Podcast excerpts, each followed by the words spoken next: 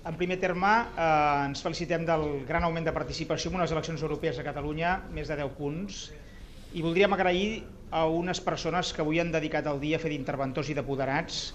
Gràcies a ells hem tingut joc net i hem tingut unes eleccions democràtiques. Un aplaudiment per ells, també.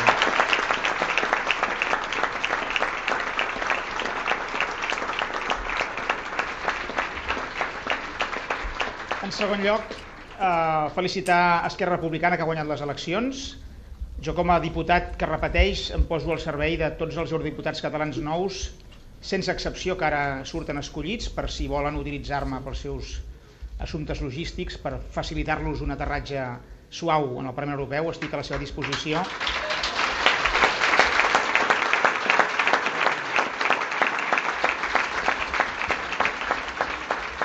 També els convido a tots ells, sense excepció, a treballar conjuntament en totes aquelles qüestions que afectin a Catalunya com a país.